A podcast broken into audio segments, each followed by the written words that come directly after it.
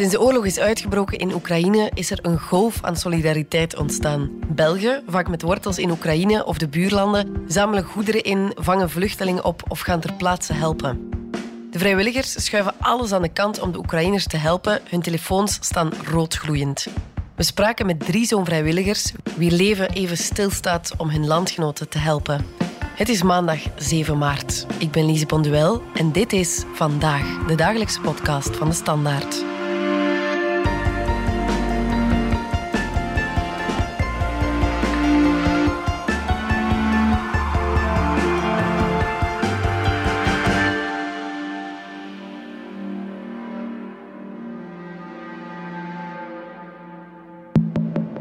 In Zelzaten coördineert de 34-jarige Jekaterina Demidova samen met haar man de Facebookgroep Steun Oekraïne.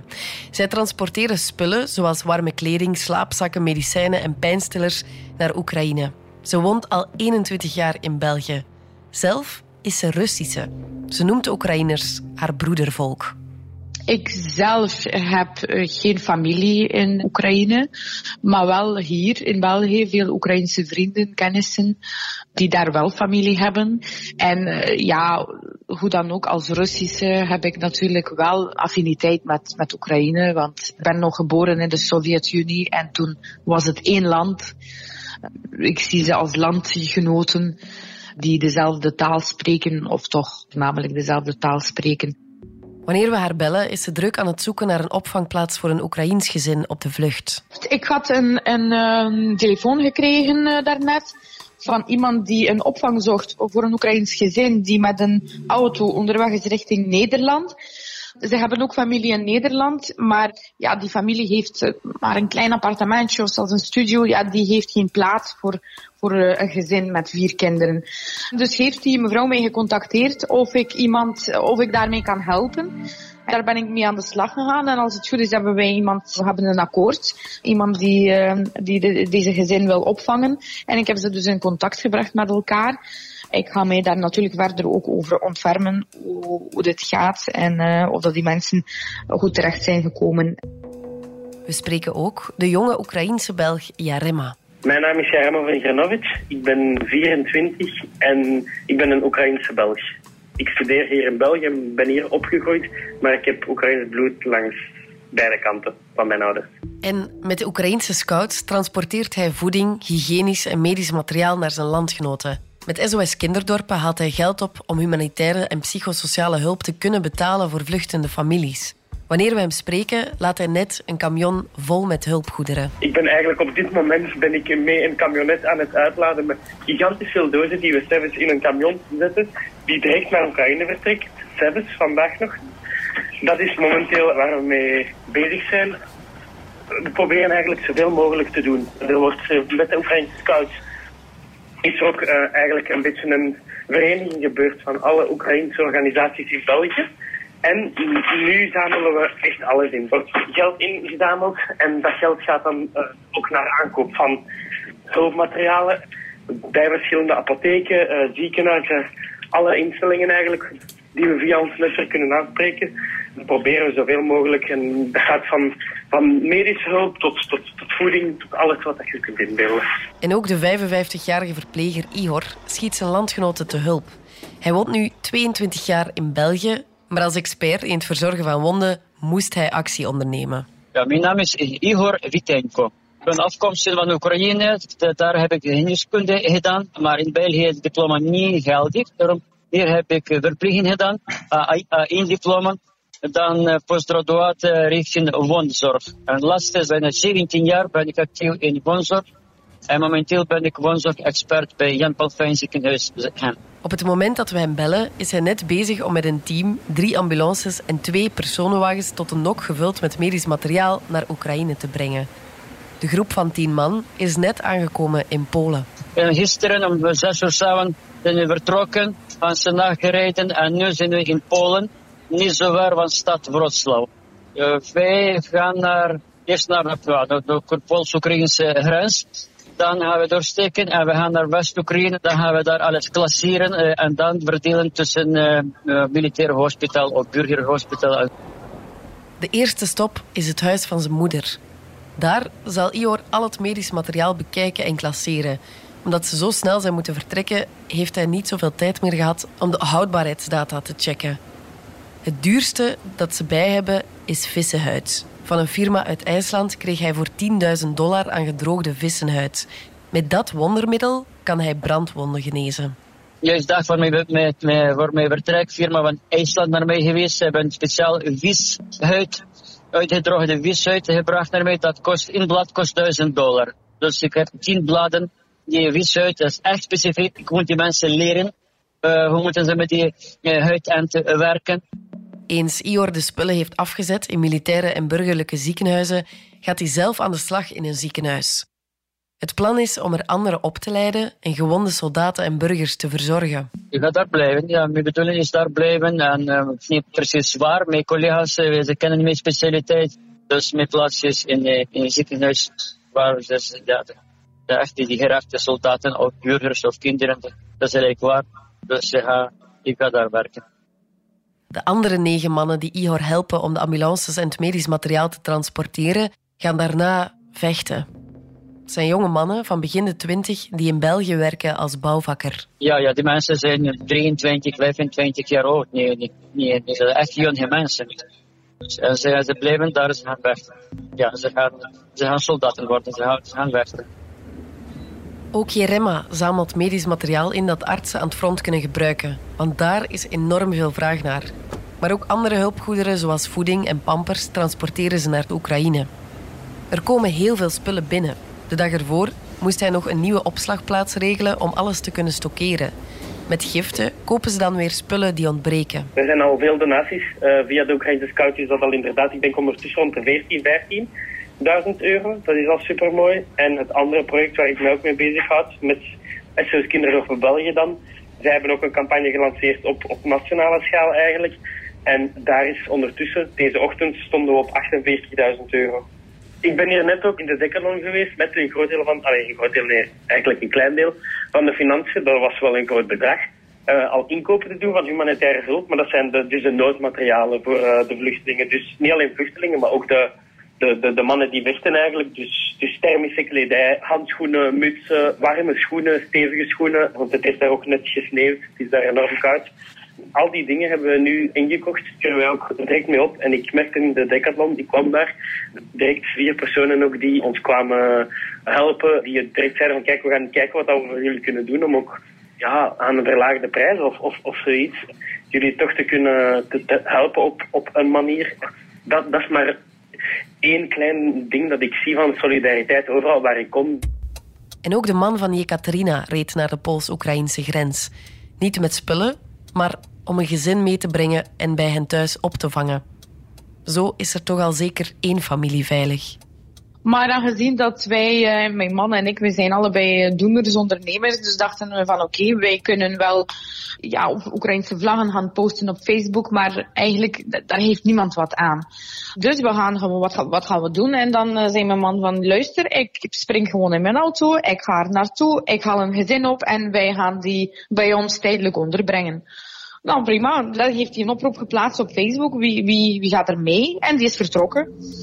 En ja, dat is uitgegroeid eigenlijk tot ja, er waren enorm veel mensen die, die mij contacteerden, die, die ook wilden meerijden, die, die wilden helpen met de opvang. Het was ja, gewoon enorm. Maar toen Poetin de eerste aanvallen op Oekraïne inzette, was hun eerste reactie shock en ongeloof. Ze zaten gekluisterd aan de televisie. De eerste dag dat het nieuws naar buiten kwam dat er effectief oorlog is begonnen, ik was gewoon gechoqueerd, verlamd, verdrietig. Het kwam wel hard aan, omdat ik uh, zeg van ja, dat zijn de twee bevriende volkeren die dicht bij elkaar staan. En ik kon het gewoon niet geloven. Ja, ongeloof, onmacht. Intussen is haar man terug thuis. Hij bracht een gezin mee die familie heeft in Antwerpen en nu daar verblijft. Hij had een gezin mee, een, eh, een Oekraïns gezin mee die familie had in Antwerpen. Die heeft eigenlijk dat gezin hereinigd met de familie. Dus die hadden wel degelijk een, een, een plek waar zij opgevangen konden worden. Ze hebben een netwerk opgebouwd met vrijwilligers ter plaatse. Zij contacteren Jekaterina als ze gezinnen tegenkomen die opvang zoeken. Vluchtelingen die iemand kennen in het buitenland weten meteen waar naartoe. Maar steeds meer komen er mensen toe die hier niemand kennen vrijwilligers die bijvoorbeeld op de grenspunten overhangen, zeg maar, zelf bezig zijn, die daar helpen.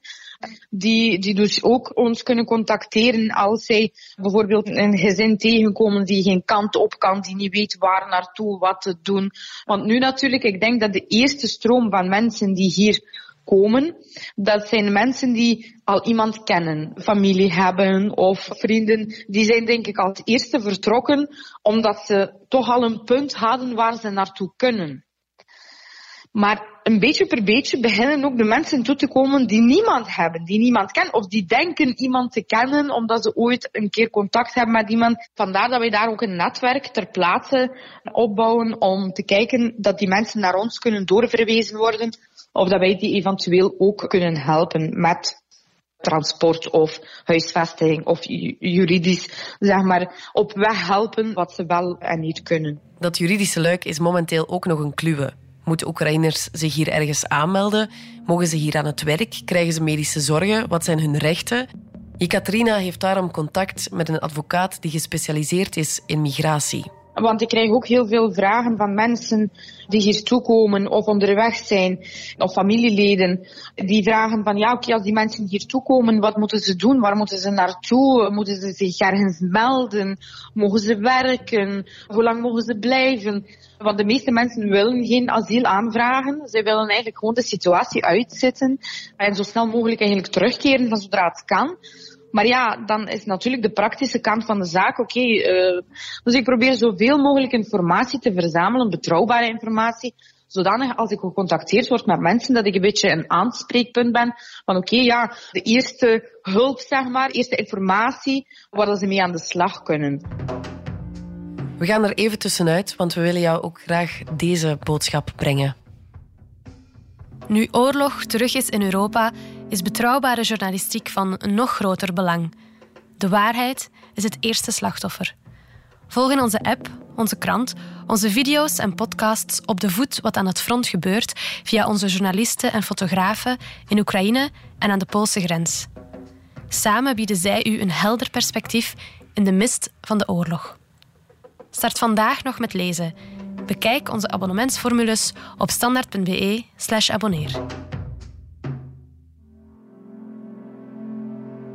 Jekaterina en haar man staan versteld van de grote hoeveelheid solidariteit voor Oekraïne. In drie dagen tijd verzamelden ze 30 actieve vrijwilligers, 150 opvanggezinnen en 4000 euro aan donaties. Hun telefoon staat roodgloeiend. Hun mailbox pelt uit. Het is zo hartverwarmend toen wij deze oproep lanceerden, uh, hebben we heel veel respons gekregen. Direct mensen die opvang aanboden, die verschillende soorten hulp aanboden. Ook transport, spulleninzameling. Het is ongelooflijk en het is zo hartverwarmend dat er zoveel solidariteit is bij de mensen. Nu zullen ze even moeten overleggen hoe ze het verder moeten aanpakken. Ze hebben nu hulp van twee andere vrijwilligers maar ook dan krijgen ze alle werk niet helemaal rond. En ze moeten het zien te combineren met hun werk en gezin. Mijn man, ja, die zal dat moeten zien uh, uit de dokter hoe dat hij dat met zijn werk gaat combineren. Want ja, hij kan natuurlijk bot zijn werk niet laten vallen. Of dat hij misschien hulp gaat inroepen om, uh, om hem administratief in elk geval te ondersteunen. Zodanig dat hij zich uh, wat meer daarop kan toespitsen. Het is nog maar zo kort dag. en eh, het is nog maar een paar dagen geleden dat het allemaal zo begonnen is. Wij zijn daar gewoon in gerold. En dat is voor ons ook. Ja, wij moeten voor onszelf ook nog even, even alles op een rijtje zetten. Van oké, hoe, hoe gaan we dat hier managen? Zeker ja, voor mijn man. Ik, ik ben niet aan het werk, dus ik kan wel nog even mij volledig daarop toespitsen. Maar ja, voor mijn man natuurlijk, dat zal wel even uh, zoeken zijn. Ook het leven van Jerema ziet er momenteel helemaal anders uit. Het is intens bij ons allemaal. Wij leven aan zo'n tempo momenteel. Wij doen echt alles, alles, alles wat we kunnen van ochtends tot avonds. Onze telefoon die, die rinkelt de hele dag door. Wij slapen niet veel. Van, van de eerste seconde s tot de, tot de laatste seconde s avonds zijn we ermee bezig. Ons leven is sinds donderdag ziet er helemaal anders uit. En dat heeft echt wel een gigantische impact gehad. Voor ons, wij hebben het gevoel, we hebben dat onderling, dat gevoel gedeeld, omdat wij beseffen van, we hebben dat allemaal en wij voelen ons eigenlijk echt gewoon midden in de oorlog. Zo gek is het. Wij zien mensen hier op straat rondlopen. Ja, natuurlijk, voor hun is alles, alles uiteraard logisch. Maar voor ons is het echt gewoon van, ja, in ons hoofd is het echt crisis en een oorlogssituatie gewoon los er middenin. Niet gewoon op 2000 kilometer van hier. Jerema vindt die grote golf aan solidariteit overweldigend. Die komt zowel van België als van Oekraïners in België. Er bestaat dan ook een heel grote Oekraïnse gemeenschap in België. Er in België een gigantische Oekraïnse gemeenschap. Heel veel Oekraïnse mensen, dat zie je nu ook wel met de verschillende manifestaties die er zijn. Op de manifestaties hier zie je ook al gewoon hoeveel Oekraïners dat er zijn. Er zijn ook niet alleen Oekraïners, maar veel mensen ook uh, van, van Litouwen, uh, Letland, uh, Georgië, Wit-Rusland, die ons steunen en zo verder. Ja, de Oekraïnse gemeenschap hier in België is echt wel heel, heel groot. Ik, ik kom regelmatig in Antwerpen en ik merk tegenwoordig zelfs dat er, ehm, dat, soms als ik naar de supermarkt ga, dat ik meer Oekraïners dan Nederlands. Ior begint één deze met zijn taak in het ziekenhuis. Hij vermoedt dat zijn hulp niet lang nodig zal zijn. Hooguit twee weken. Ik denk dat gaat uh, tien dagen, twee weken of zo dat duren. Maar en dan, dan, dan moet stoppen omdat de Oekraïnse soldaten zijn sterk genoeg. Ze hebben genoeg materiaal. Ze hebben genoeg uh, wapens gekregen. Moet je dat niet verwacht dat dat zou zijn. Dus uh, denk ik dat sowieso moet aan de tafel zitten, diplomatieke oplossing moet komen. Daarna komen er vast wel diplomatieke oplossingen, denkt hij. Of dat hoopt hij. Oorlog, echte oorlog. Er is niemand die dat heeft verwacht. Ik dacht dat hij misschien daar in Oosten zou buren, maar volledig land is betrokken. Volledig land van, van uh, noord naar zuid, van oost naar west. Overal, overal hebben ze raketten gegooid. Dus dat, kan niet. Dat moet ze stoppen en dat de hele wereld moet dat tegenwerken. Dat moet stoppen. Dit was Vandaag, de dagelijkse podcast van de Standaard. Bedankt voor het luisteren. Ken je trouwens DS Podcast al, de podcast-app van de Standaard? Daar luister je niet alleen naar al onze journalistieke reeksen, je krijgt ook elke week een handige selectie van de beste nieuwe podcasts op de markt. Alle credits van de podcast die je net hoorde vind je op standaard.be-podcast. Reageren kan via podcast.standaard.be. Morgen zijn we opnieuw.